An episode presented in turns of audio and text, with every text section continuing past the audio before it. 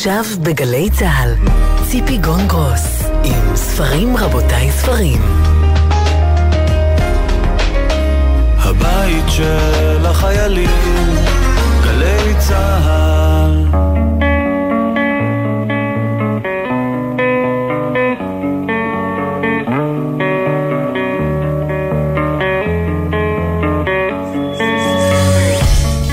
רבותיי, ספרים, סיכום שבועי, שלום לכם, תודה שאתם איתנו. סיכום שבועי, יום אחרי שהסופרת הצרפתייה בת ה-82, אני ארנו, הוכרזה כחלת פרס נובל לספרות לשנת 2022. לא קמתי מהלילה שלי, וגם האירוע, הם שני ספרים שלה שתורגמו לעברית, ונדבר עליהם בשבוע הבא. סיכום שבועי יומיים אחרי יום הכיפורים. היום הכל כך מיוחד גם למי שלא מקפיד על מנהג הכפרות, על הצום, על הבגדים הלבנים ועל התפילות.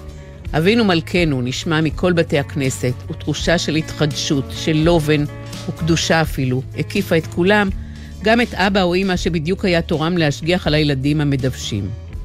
ספרים רבותיי, ספרים, אני ציפי גון גרוס, איתי המפיקות תמנת צורי ועשהאל פלד, על הביצוע הטכני דניאל שבתאי וניב ירוקר, בפיקוח הטכני עומר נחום. בשעה הקרובה יהיו לנו שתי שיחות על אימהות, על אהבה, ועל הורות. נדבר עם אריאלה פרידמן ועם בתה המאומצת אנג'ליקה לינצקיה פרידמן על הספר שכתבו יחד, כשפגשתי אותך. נדבר גם עם אפרת שטרן על הספר שכתבה תן לי מילים. מסע ההורות המטלטל לעודד, בנם של אפרת ודוקטור נפתלי שטרן, שחולה במחלת הטייזקס מבוגרים, מחלה גנטית נדירה וקשה מאוד מאוד. עוד נדבר היום בתוכנית עם המשורר רוני סומק על ספר השירים מחדש שלו, הרמס. בשיחה שנקיים עכשיו השתתפו שתיים, אם ובת. אריאלה פרידמן היא האם, פרופסור לפסיכולוגיה חברתית, אריאלה גרה בתל אביב, ואנג'ליקה לינצקיה פרידמן היא הבת, מתקשרת ומרפאה רוחנית. אנג'ליקה, אנג'י, גרה בכפר הדרוזי ירכא, ואיתה הסוסים, הכלבים, העיזים, הציפורים, שלה. תומר, שהספר מוקדש לו, הוא הבן של אנג'ליקה, הנכד של אריאלה. כשפגשתי אותך נקרא הספר, סיפורן של אם ובת. חלקים מתוכו כתבה אריאלה, וחלקים אחרים, אנג'ליקה. שלום אריאלה, שלום אנג'ליקה. שלום. ברשותכן אני אתחיל עם העובדות. אנג'ליקה נולדה בקייב, באוקראינה. כשהייתה תינוקת ההורים שלה נפרדו. אימא של אנג'ליקה ואנג'ליקה עזבו את רוסיה בדרך לארצות הברית והיו במחנה מעבר באיטליה. אימא נהרגה בתאונה ואנג'ליקה חוותה מוות קליני. טיפול נמרץ, שיקום ממושך. אחרי שנה של שיקום הגיעה אנג'ליקה לישראל, כמעט בגיל בת מצווה. שנתיים היא הייתה בפנימייה, חוותה ניסיונות אימוץ שכשלו, ורק בגיל 13 וחצי זכתה אריאלה לקבל את אנג'ליקה לחיקה. בגלל העובדה שלאריאלה לא היה בן זוג, לא הסכימו לרצון שביטאה עוד קודם לכן לאמץ את אנג'ליקה. היום אנג'ליקה בת 52, אריאלה בת 82, הן אם ובת לכל דבר, ותומר הוא הבן של אנג'ליקה והנכד של אריאלה. ועוד לא הזכרתי את עשרות המהמורות והקשיים, המרידות ואי ההבנות שחוו בדרך המשותפת שלהן. אלו העובדות היבשות, עד כמה שסיפור כל כך דרמטי יכול להיות יבש. ואני רוצה לפתוח דווקא בסיפור קטן, אנג'ליקה ואריאלה, סיפור קטן כביכול לא שייך, שמופיע בספר. ואני קוראת מתוכו. פעם כשטיילנו יחד בעכו, כותבת אריאלה, ביקשה פתאום אנג'ליקה לחזור לחנות דגים במעלה השוק. שם בחרה דג חי, שילמה, וביקשה שיכניסו אותו לשקית עם מים. היא צעדה במרץ לכיוון המזח ואני בעקבותיה, ושם שחררה את הדג למים. הדג צלל פנימה, ואחרי דקה שב ועלה על פני המים, ושוב נעלם. את רואה, היא אמרה לי, הוא עלה להגיד לי תודה. זה סוף הסיפור, וכשקראתי אותו, הייתה לי תחושה שהסיפור הזה הוא בעצם משל על הדרך ששתיכן עברתם יחד. אנג'ליקה החזירה את הדג למקום הטבעי שלו, כשאת, אריאלה, החזרת לאנג'ליקה את האהבה, את האימהות.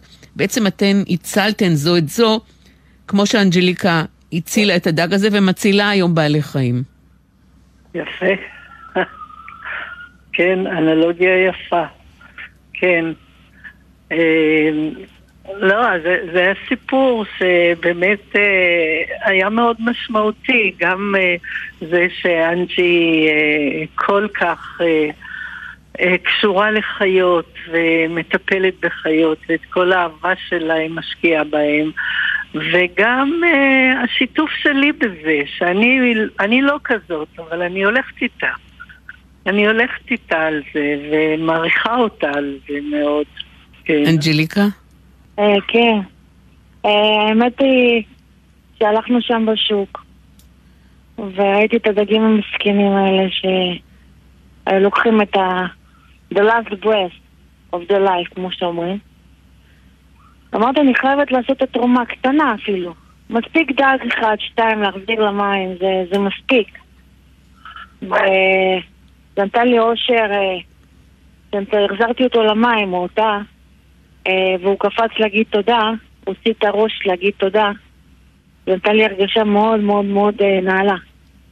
הרגשה סיפוק של נתינה ללא, ללא, ללא תנאי.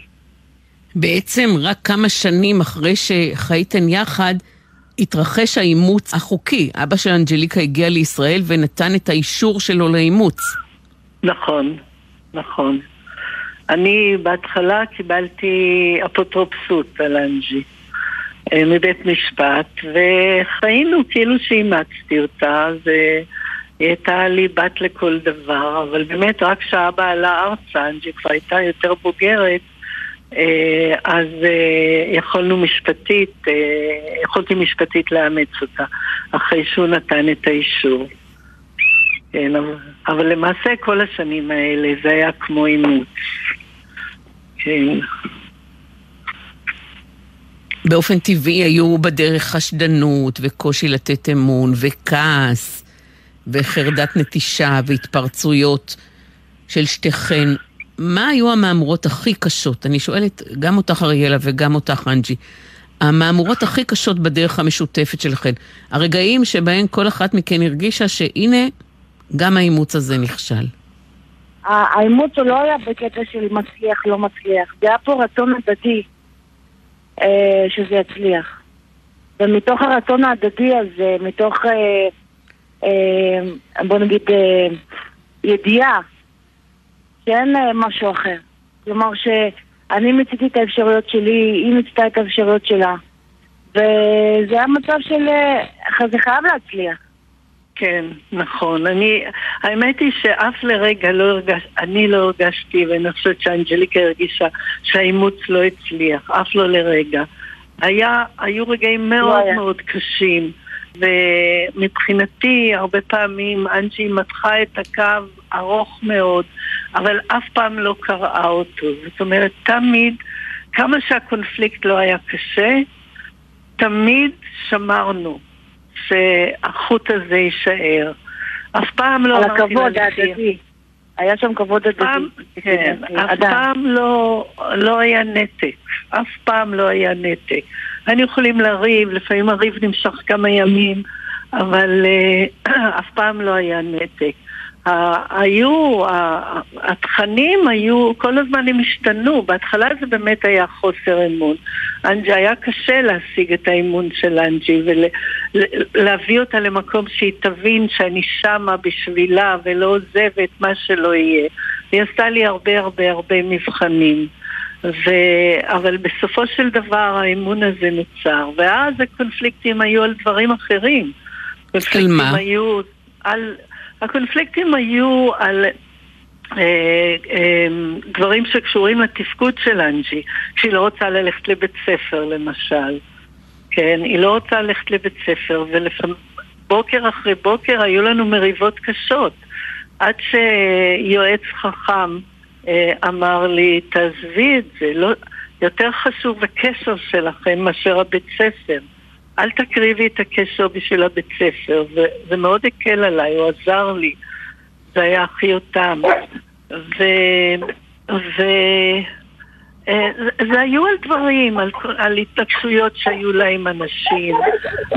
והדבר העיקרי שאולי אני יכולה להדגיש פה, זה שאנג'י היא פשוט בעלת עוצמות אדירות, עוצמות אדירות. שכשרבים איתה, אה, זה לא קל, זה לא קל, היא באמת אה, אה, סוערת מאוד, ו, והמעניין הוא שאני, שאני רואה את עצמי כאדם חזק, אבל הייתי די אדם סולידי, הצליחה להוציא ממני גם עוצמות אה, כעס וזעם אדירים. והיינו פשוט מתפוצצות, מתפוצצות עם צעקות וקשה, ו- וטקסטים, טקסטים מאוד יצירתיים, אבל, אבל תמיד השלמנו, תמיד השלמנו. ועד שלמדנו שהקונפליקטים האלה כבר, בהתחלה זה היה מאיים, אבל למדנו שזה לא מאיים. וכמו שאני אומרת, משהו היה בקשר שלנו שהחזיק את זה לאורך כל הדרך ולא שם שאלה. אנג'ליקה, מה היה הריב הכי קשה שלך, או המרד הכי קשה שלך באריאלה? אוקיי, okay, אז uh, אני חייבת להעביר, uh, לחדד נקודה מסוימת, שלפי דעתי יש פה חוסר הבנה בה. וזה שלא עברתי אימוץ אחר. זאת אומרת, היו זוגות שרצו אה, לאמץ אותי, והיו מפגשים איתם. אבל אני, אה, מתוך ידיעה מה אני מחפשת ומה אני רוצה, אה, הם לא נמשכו יותר משתיים שלוש פגישות, ולכן לא היו יותר, אה, לא, לא היה ניסיון למיעוט אחר. כשאני אה, החלטתי שאני נותנת אה, לזה הזדמנות, ההזדמנות הייתה מבחינתי אה, ללכת עד הסוף. זה נקודה אחת. עכשיו, מבחינת הקושי, לפי איך שאני גדלתי, אין לי את המילה הזאת, אני לא יודעת אם זה לכל האוקראינים, אבל uh, לי לפחות, uh, אין לי את הנקודה הזאת קושי. אני לא מכירה את המילה הזאת קושי.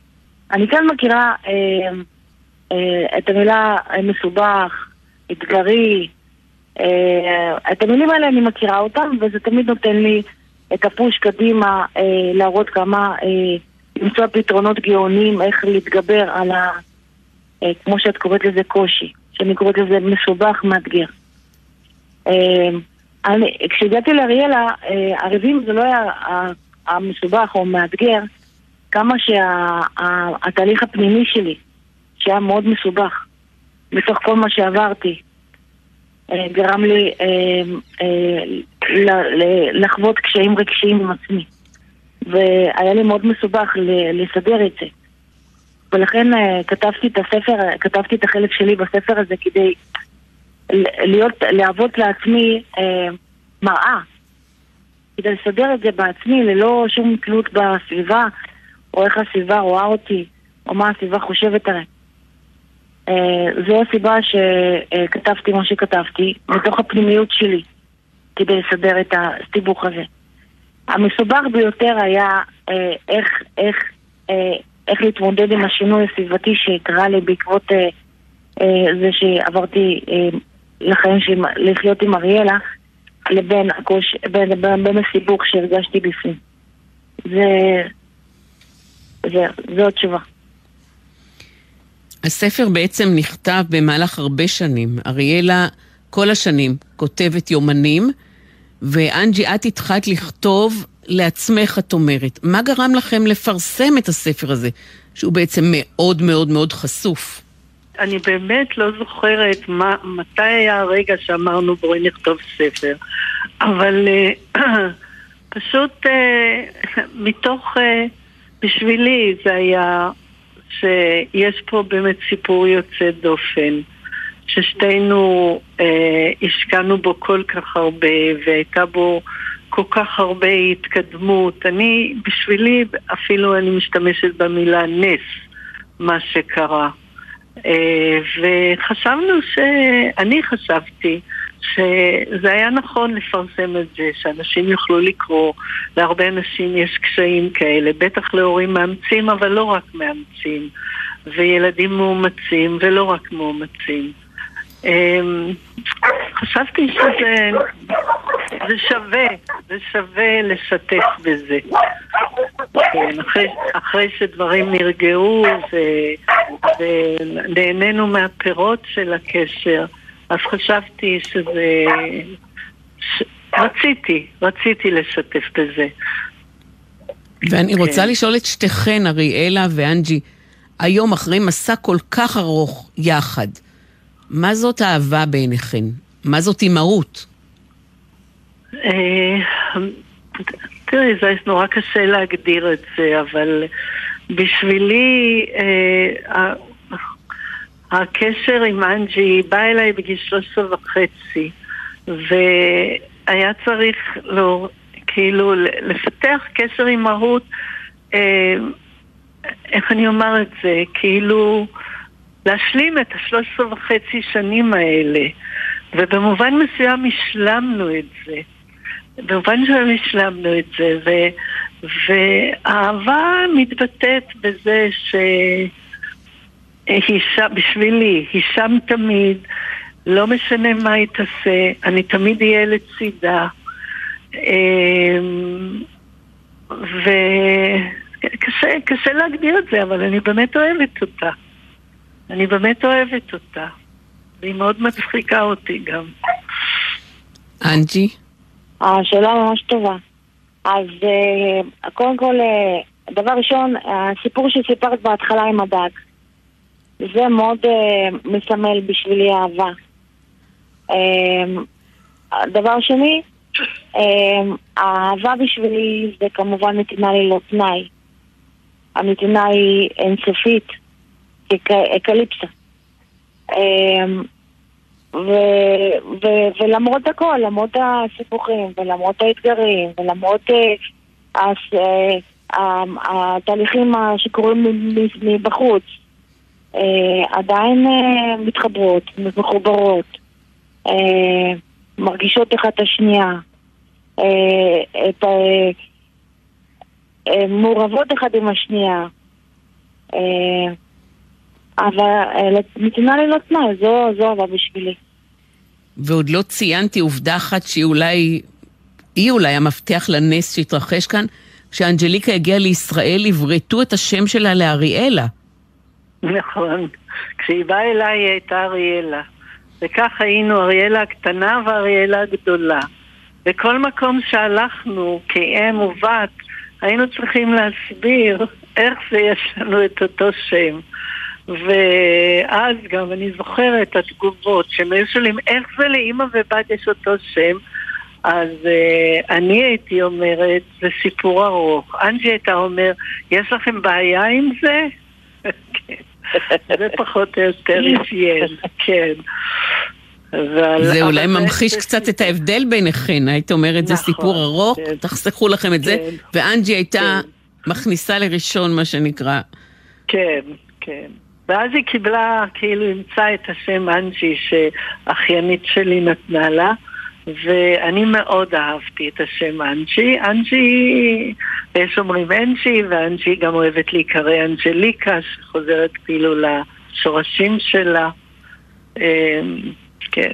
והשם המקורי שלי זה אנג'ליקה, זה אנג'לה. אבל בדרך, עם המסע הזה, אה, קיבלתי כל מיני שמות בדרך.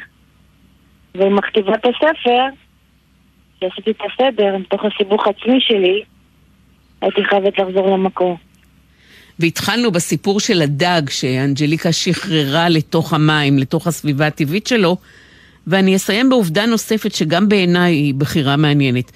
את גרה בכפר הדרוזי ירכא, אנג'ליקה, ואנחנו שמענו עכשיו ברקע חלק מהכלבים שלך שנובחים, ויש לך הרבה מאוד בעלי חיים סביבך. מצד אחד ברחת מהזרות, מאי השייכות, מצד שני גם בחרת בה. בחרת לגור בכפר דרוזי. אמ, אני לא יודעת אם זו בחירה או שזו אה, דרך, אבל הכפר הזה הוא מאוד מאוד מאוד קרוב אליי, ואני מאוד מחוברת לכפר הזה. ואנשים פה, אני מרגישה אותם כמו משפחה. הם מחבקים אותי ומכבדים אותי ושומרים עליי.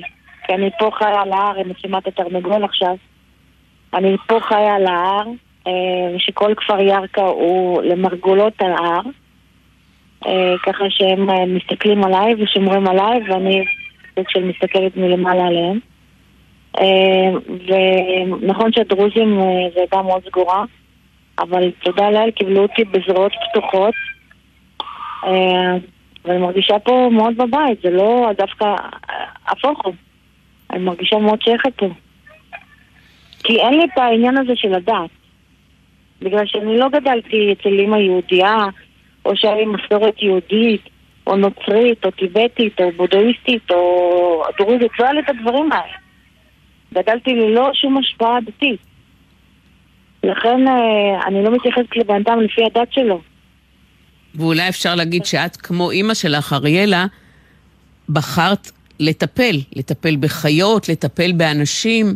בכל זאת משהו עבר פה ביכולת של הנתינה בינך לבין אריאלה, והפוך, בין אריאלה לבינך. אריאלה כן. ואני מאוד שונות. אנחנו ממש אה, קצה של איש אחד של השנייה. אה, יכול להיות שיש המון דברים משותפים עם השנים כמובן בהתמזגות בינינו. אה, אבל אנחנו מאוד שונות בגישה שלנו לחיים. וזו גם השלמה, סוג של השלמה בינינו. אנג'י רואה אותנו כמאוד שונות, היא אומרת, גם לגבי הספר, אפשר לראות איך אני כותבת ואיך היא כותבת, זו כתיבה מאוד אחרת. אני, אני פסיכולוגית והיא מתקשרת. והיא הרבה פעמים אומרת, אנחנו כך שונות, את רציונלית ואני רוחנית. אה, את אה, מרובעת ואני לא נורמטיבית. אה, אני לא יודעת כמה זה מדויק, אני לא בטוחה שזה כל כך מדויק, אבל אין ספק שיש הבדל, יש הבדל בינינו, ובאמת אנחנו בהרבה דברים משלימות אחת את השנייה לטובה, ולפעמים יש קלאשים סביב זה. גם היום לפעמים, אם אנחנו חושבות אחרת, אנחנו יכולות להגיע לאוקטבות גבוהות, אבל מה שלמדנו, שזה באמת אה, מאוד מאוד עוזר, אוקיי? אם אנחנו מתנגשות או רבות, אה, זה לא לוקח יותר מכמה דקות, חצי שעה גג, עד שזה נפתר. וזה, כן. ו, ודבר נוסף שרציתי להגיד, שבשבילי אה, העוצמות של אנג'י, היא אדם עם עוצמות בלתי רגילות. וכמו שבהתחלה העוצמות האלה היו עוצמות שהיה לא פשוט להתמודד איתן, היום היא הפכה את העוצמות האלה אה, למשהו אה, בלתי רגיל של יצירה ונתינה. אה, וזה הנס בעיניי, שהיא את כל הכוח הזה שלה, אה, היא משקיעה אישה לבד, מקיימת חווה, מתקשרת, חיה בכפר דרוזי, על ההר, אה, המון המון כוח צריך בשביל זה, ויש לה את הכוח הזה. אז אולי נסיים את השיחה שלנו בקריאת העמוד האחרון של הספר, שזה טקסט שכתבה אנג'י. החיים מסובכים, החיים מגיבים ללא פחדים, נעשים מאושרים. אדם לא צריך הרבה כדי לחיות, בסך הכל אהבה וגם כבוד לחיות. זהו מתכון לשמחה ולפשטות, כך מנצחים את הבדידות. יחד נבנה חיים ברכות תוך קבלת האחר, בתהליך למידה והתפתחות נגיע לשלמות. אני חושבת שזה טקסט שגם את, אריאלה, וגם אנג'י בעצם חתומות עליו, או יכולות להיות חתומות עליו. כן. תודה רבה לשתיכן. תודה רבה, ציפי. תודה רבה. הספר נקרא "כשפגשתי אותך", סיפורן של אם ובת. כתבו אותו אריאלה פרידמן ואנג'ליקה לינצקיה פרידמן, והוא הופיע בהוצאת הקיבוץ המאוחד. תודה רבה לשתיכן. תודה רבה. ביי ביי. געגועים ששומרים אותך איתי מהזמן המדשדש, מהדרך המייאש. אם אוכל להיות עצוב לרגע, גם אהיה שמח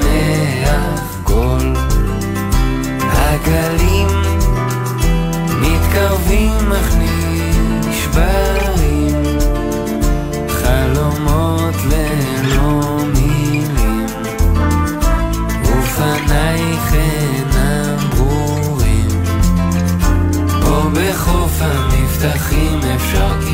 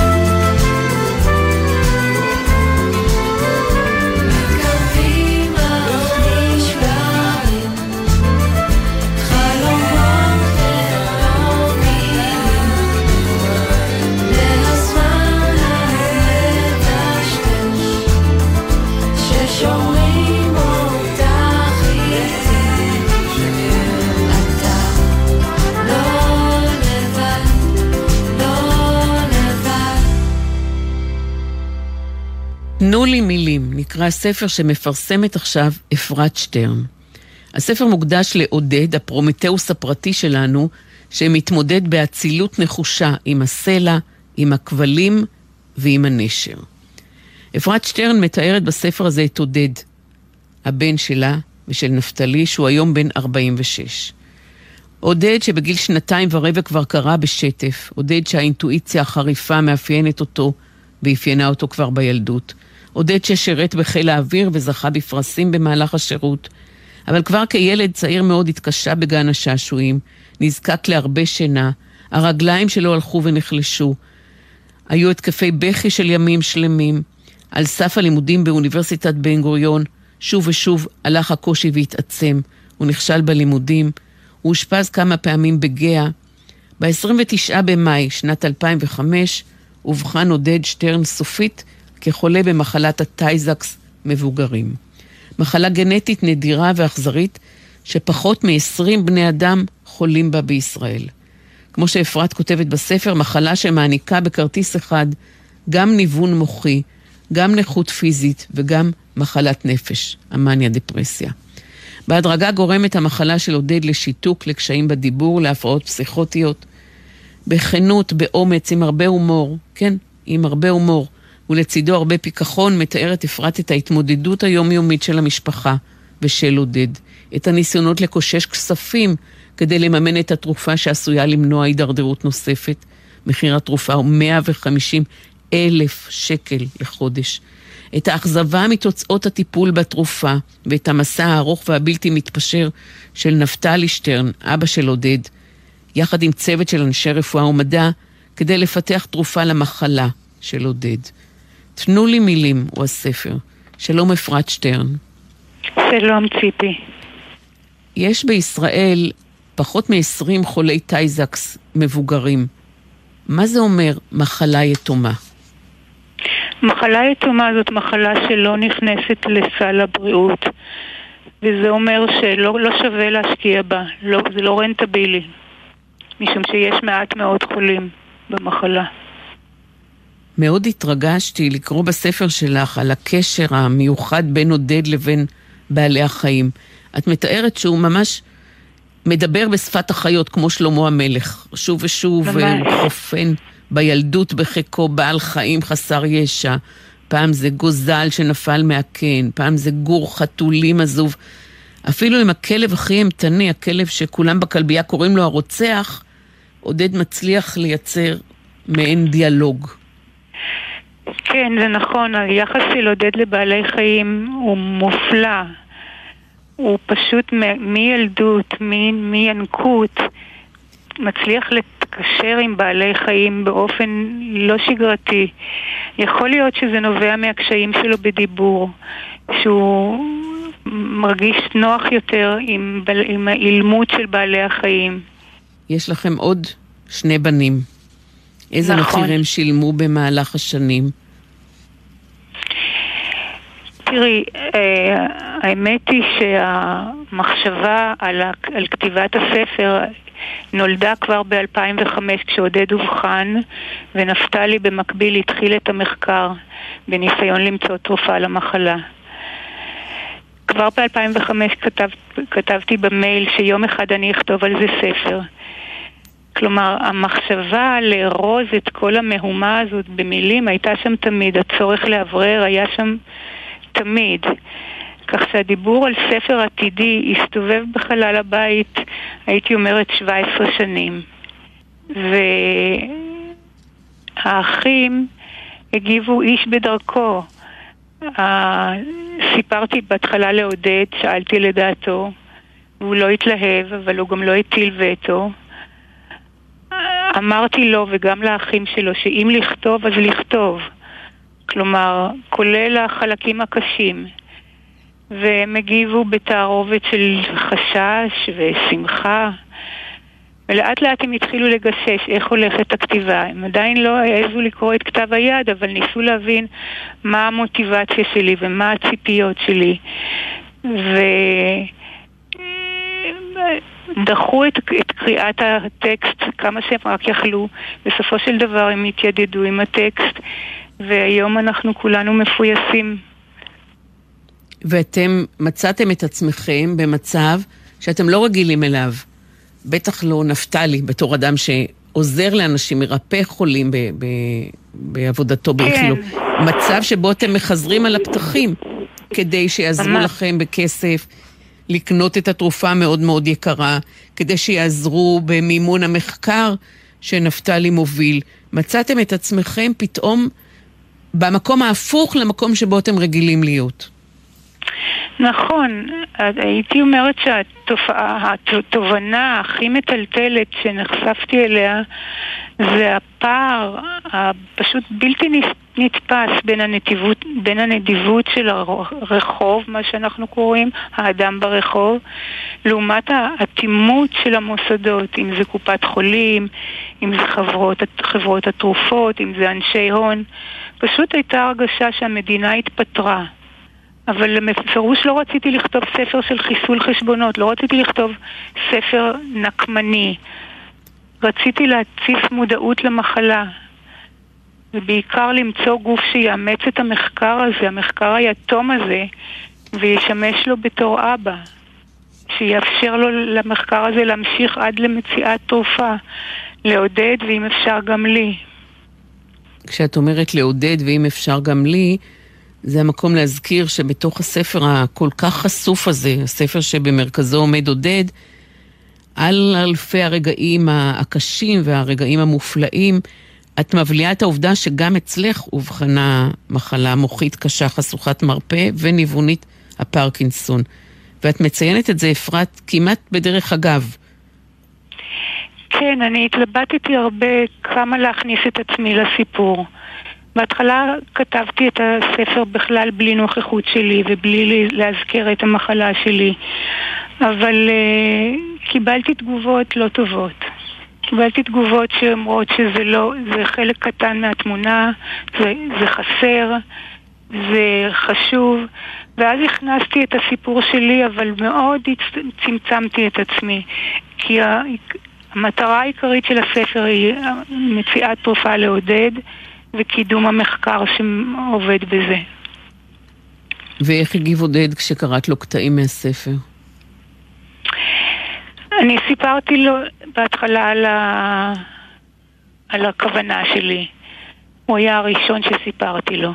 ושאלתי לדעתו. הוא ביקש לקרוא טיפין טיפין, בתשלומים, את הספר. והגיב פעם בשמחה, פעם בגאווה, פעם במבוכה. זה לא היה חד משמעי. והיום הוא קורא את הספר פעם ועוד פעם, מגיב בכנות, אומר, זה היה לי נעים לקרוא, זה היה לי קשה לקרוא, על זה אני פוסח, בכנות רבה. ושם הספר, תנו לי מילים, הוא בעצם ציטוט של עודד מגיל שנתיים. נכון.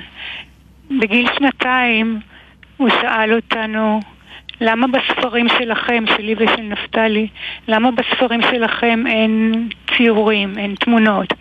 אז אמרתי לו, ספרים של גדולים בדרך כלל יש רק מילים. אז הוא אמר, גם אני רוצה מילים, תנו לי מילים. ובאי רצון, באי רצון כתבתי לו אימא על פיסת נייר. והוא ביקש עוד.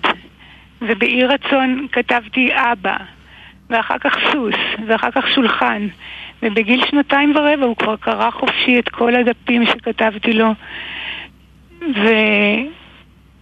וניסיתי בשם הזה לו- לתאר גם את הצמא שלו לידע, וגם את הקשיים שלו לאגור ידע, לעכל ידע, לנסח ידע.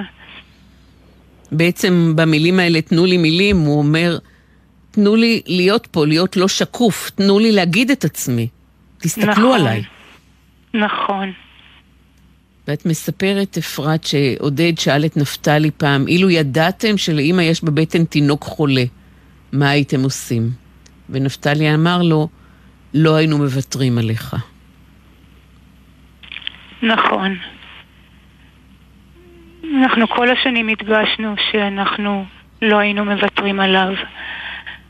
מבחינתנו עודד הוא עולם מלא, עולם מלא הפכים, מלא, ניגודים. ומה מצב המחקר של נפתלי היום? המחקר של נפתלי הוא בעצם במש... בשלב מאוד מאוד קריטי ומאוד דרמטי. אה, ההישגים במעבדה הם פשוט מסעירים, וזה מה ששכנע אותי אחרי 17 שנים של דיבורים על ספר, להתיישב ולכתוב את הספר. אני חייבת, הרגשתי שאני חייבת להתגייס למאבק, שאסור שהמחקר ייתקע עכשיו בשלב כל כך מתקדם. המחקר הגיע למצב שבו אחרי 17 שנים הצוות הצליח להגיע למצב שהוא בעצם מביא לריפוי של חיות המעבדה, של העכברים. עכברים חולים בטייזקס. אנשי מקצוע בכל העולם מת... מאמינים בפרויקט הזה ותומכים בו. לא תומכים בו כלכלית, אבל תומכים בו מדעית.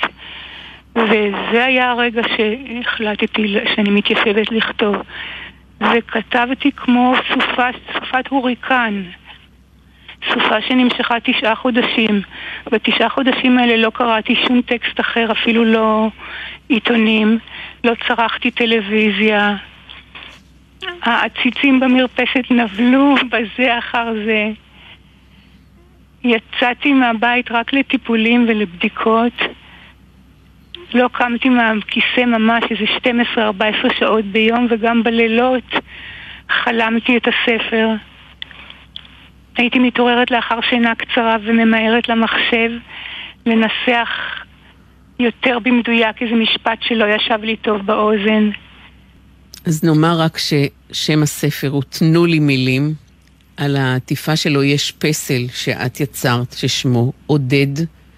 והספר מתאר את המסע המרתק, הקשה מאוד, האינסופי שלך ושל נפתלי שטרן בעלך, יחד עם עודד, מסע החיים אפשר לומר. תודה רבה אפרת שטרן. תודה לך.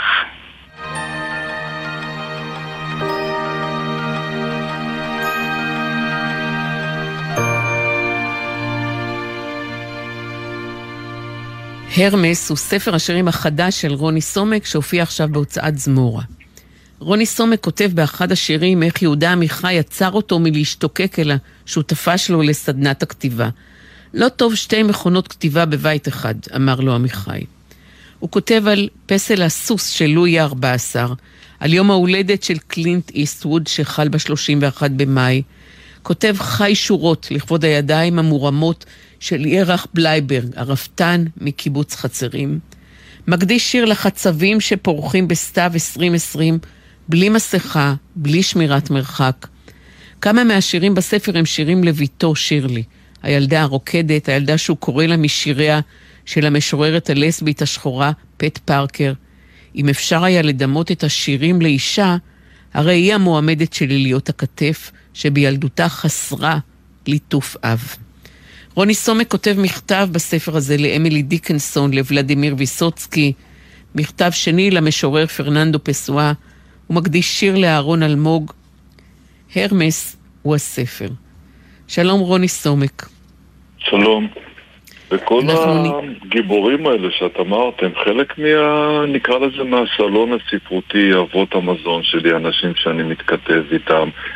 ובאמת אה, אני, אני מצמצם עוד יותר את המילימטר בין מה שנקרא חיים לבין מה שנקרא שירים. אנחנו עכשיו בתקופה של חגי תשרי, אז אולי נתחיל בשיר שלך על בית הכנסת מאיר אליאס שבבגדד. בעצם זה שיר על אימא שלך ועל בית הכנסת. אתה מוכן לקרוא כן. אותו?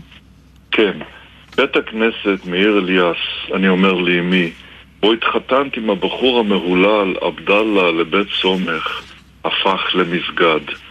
חיכיתי שכל הרי הגעש יתפרצו מפיה ושהיא תרצה לכרות את ידי בנאי בגדד שבמקום לגלגל ספרי תורה החלו לגלגל קוראן. חיכיתי שתשחזר שוב את השופר שבסוף כל כיפור הרעיד את מנורות הקריסטל שניתנו על, על תקרה שהייתה כחולה יותר מעיני אחותה רשל. ומה היא ענתה? רצית שיהיה בעיר שלא מוכרים בה יותר יין לקידוש של ליל שבת, שהמקום יהיה כלבו או קזינו? מה זה משנה מי? העיקר שמתפללים לאותו אלוהים. אתה היית בבית אני- הכנסת הזה, מאיר אליאס, שבבגדד? אה, זאת אומרת, אני הייתי עד גיל שנתיים, ואני, יש לי קופסה שחורה ריקה מזיכרונות מהתקופה הזאת, אבל יש לי חבר משורר עיראקי שגר בבגדד, והוא כל פעם אה, מספר לי מה קורה ברחוב או בשכונה שבה נולדתי. יש לי יופי של זיכרונות יד שנייה. זאת אומרת, אני שומע סיפורים מאנשים זה הגיע למצב שששון סומך כתב את הספר הנפלא שלו, בגדד אתמול, הוא היה מדי פעם מתקשר אליי כדי שאני אאשר לו מקומות או תיאורים, שאני אותם כמובן שמעתי מהמשפחה ואני לא זוכר אותם כי אני פשוט אה, כבר לא הייתי שם בתקופה שהזיכרון שלי התחיל לעבוד. צריך לציין שששון סומך הוא בעצם קרוב שלך, סומך וסומק. זה, זה אותו שם, רק השם שלך עבר שינוי מסוים. כן. בכלל, הנושא של אה, שמות ושל חילופי שמות או חילופי זהויות מופיע הרבה בספר. השיר הראשון בספר נקרא סטודיו רוני. בשבוע האחרון להריונה ראתה אמי שחלמה על בת את המילים סטודיו רוני מתנוססות על שלט חנות צילום. אם בכל זאת ייוולד לי בן, חשבה, כמה יתאים לו השם רוני. גם ערבי, גרנו בבגדד, גם עברי, אנחנו גולי בבל, גם אנגלי, היינו נתיניו של המלך ג'ורג' השישי. אבי נולד עבדאללה ונעשה אבנר. סבי נולד סאלח וסירב להיות צבי. ואימי דייזי נולדה להכות שורשים בכל מגדיר פרחים. איזה מזל שהיא לא קראה לי סטודיו. אז הנושא הזה של חילופי שמות מופיע פה וגם מופיע בצורה עוד יותר דרמטית בשיר שנקרא הרמס. בשיר שעל כן. שמו הספר, שם אתה בוחר לעצמך את השם הרמס, זהות בדויה. כן, האמת היא שבחרו לי, אני הגעתי לפני הצבא לעבוד במחלקת השליחים של בנק הלוואה וחיסכון. הייתי בטוח שאין איש בעולם שלא קרא את המיתולוגיה והוא לא בקיא בה ועליתי לחדר, הוקפתי בכל השליחים, כולם היו נערים עובדים, מה שקראו לזה, ושאלו אותי איך קוראים לך, ואמרתי הרמס. אף אחד לא חייך. אה, בסוף החודש מגיע מישהו מהאנשים עם כל התלושים, והוא נותן לכל אחת את התלוש שלו. הוא אומר לי, הרמס, לא קיבלת תלוש, יש פה תלוש לאחד, רוני סומך, רוני סומק.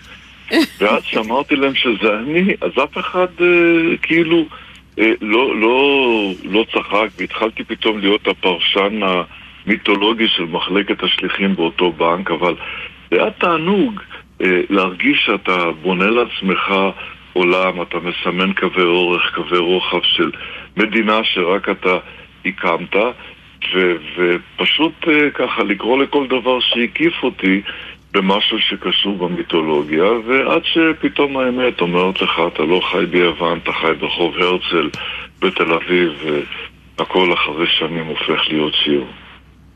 וליד השיר שקראת מקודם על בית הכנסת מאיר אליאס, יש שיר שגם הוא מוקדש באיזשהו מקום לאימא שלך, והוא נקרא קדיש יתום.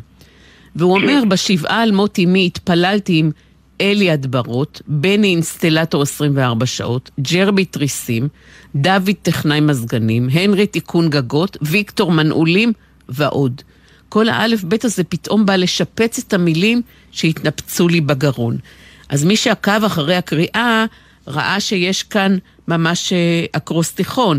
יש כאן אלי הדברות, בני אינסטלטור, ג'רבי תריסים, דוד טכנאי מזגנים. למה בחרת במבנה הספרותי הזה לשיר קדיש יתום? האמת היא שהתפללנו במגרש חנייה, כי זו הייתה תקופת קורונה והיה אסור להיכנס לבית כנסת, ופתאום אני רואה אה, שמישהו עוצר את הווספה שלו וכתוב עליה אלי הדברות, ואחר כך מישהו מגיע עם בני אינסטלטור וג'רבי תריסים, ופתאום אמרתי, א', ב', ג', וד', ה', ו', ואני כבר המצאתי.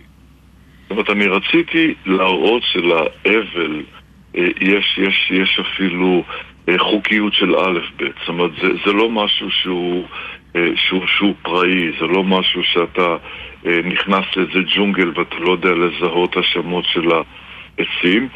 ואגב, כל האנשים האלה, זאת אומרת, זה שקראתי לו תיקון תריסים וזה שקראתי לו מנעולים, היו להם שמות אחרים, אבל זה היה מדהים לראות איך אה, אנשים פתאום אה, עוטפים אותך ואומרים לך, ושואלים שאלות ומראים לך איפה מתפללים, והיו, זאת אומרת, היו רגעים אה, שהרגשתי פתאום שיש איזה יד שאני אפילו לא יודע לזהות אותה, באה ומלטפת, וכשחשבתי על א' ב' אז רציתי שיהיה בזה סדר, כי היה שם סדר בתוך אה, כל הבלגן הרגשי, הנפשי שהיה לי אז.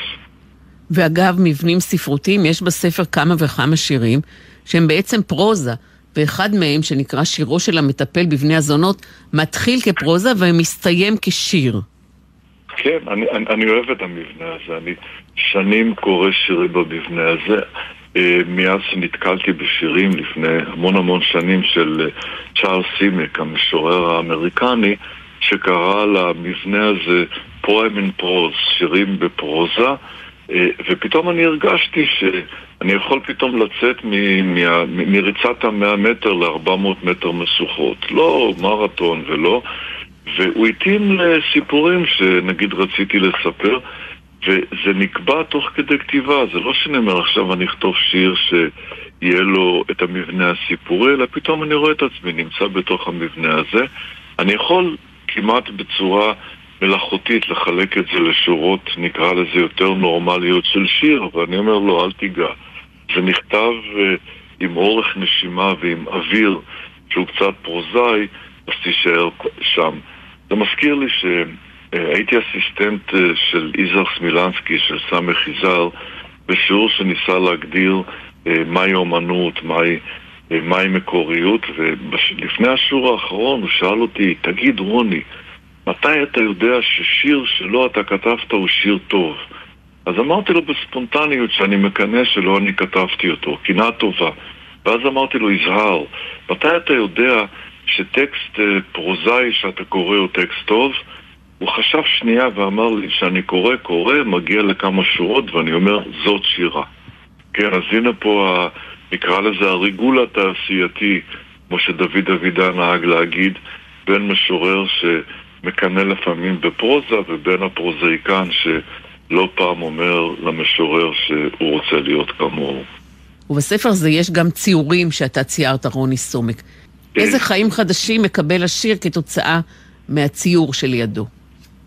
השיר יכול לחיות אה, חיים שלמים גם אה, בלי, ה- בלי הציור, אבל הציור זה מין אה, איזשהו נ"ב שאני מוסיף, כאילו עוד פרשנות שיכולה להיות לשיר, עוד, עוד, עוד משהו שייקח את השיר מ- מ- מהאלף בית שדיברנו עליו קודם לאלף בית אחר.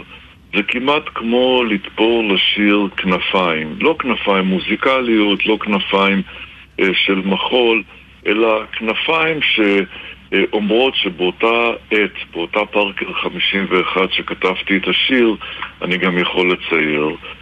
ו... זאת אומרת, התחלתי לאהוב את זה, התחלתי לאהוב את זה מכיוון שאני מרגיש שככה אני מרחיב במעט את הטריטוריה של השיר, אני לא עושה את זה לכל שיר, כי אני יודע שאני לא צייר במובן, ה, נגיד, הרחב של המילה, אלא מישהו שמוסיף עוד שורה, כמעט הייתי אומר בלתי נראית, למה שהוא אה, כתב, זאת אומרת, למה שאני כתבתי קודם. תודה רבה, רוני סומק. הרמס הוא שם ספר השירים החדש, שהופיע בהוצאת זמורה.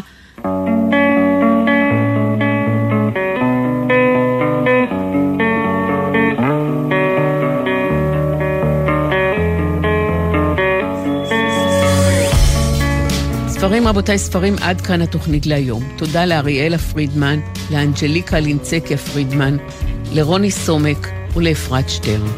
ספרים גון גוס, כרוכית gmail.com, זו כתובת המייל לתגובות שלכם. באתר גלי צה"ל וביישומון אפשר להזין שוב לתוכנית. דף הפייסבוק שלנו, ספרים, רבותיי, ספרים בגלי צה"ל, מחכה ללייק שלכם. הפיקו את התוכנית היום תמנה צורי ועשאל פלד, על הביצוע הטכני דניאל שבתאי וניב ירוקר, בפיקוח הטכני עומר נחום. המלצה קצרה לסיום, בבית חשמונה יתקיים במהלך חול המועד סוכות יריד ספרים, מכל התחומים, בכל הנושאים, כולם כולם במחיר אחיד של עשרה שקלים לספר. דורית היא מלכת הספרים מבית חשמונאי, מומלץ מאוד ליהנות מהשפע שהיא מציעה בחול המועד סוכות. ספרים רבותיי, ספרים, אני ציפי גון גרוס, שתהיה שבת שלום ואחרי השבוע מצוין.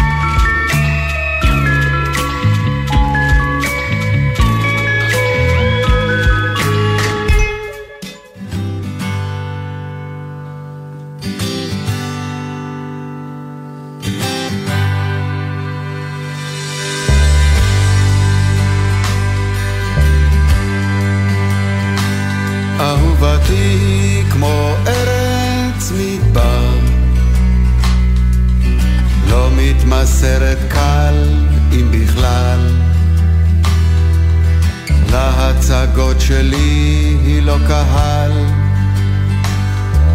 אפילו שרוצה אותי כבר. דוחה כל גינונים של מחזר. דווקא אז אני אוהב אותה יותר. אהובתי כמו ארץ מדבר, יש בה ניקיון בוהק וצח, שאם אני מעט מלוכלך, אפילו שרוצה כבר לא תיתן להתקרב, לא תיעתר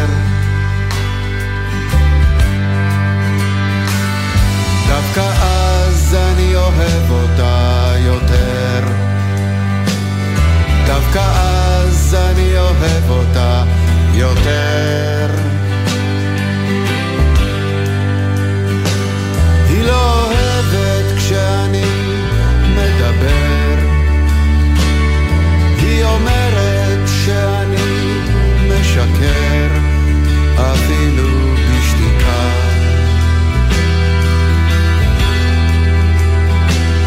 לא שווה אפילו יריקה. היא בטח לא שוכחת ועדיין סולחת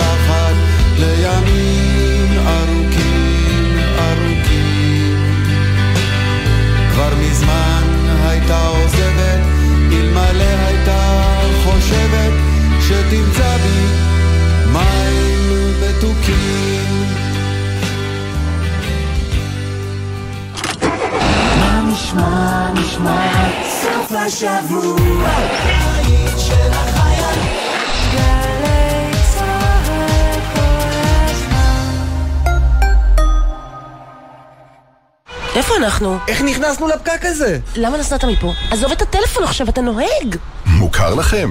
בזמן הנסיעה עם המשפחה, מכניסים מראש ליישומון הניווט את מסלול הנסיעה המתוכנן, כולל מקומות העצירה בדרך, ונמנעים מכל התעסקות בטלפון הנייד. עוד עצות לנסיעה משפחתית בטוחה, חפשו בגוגל אסק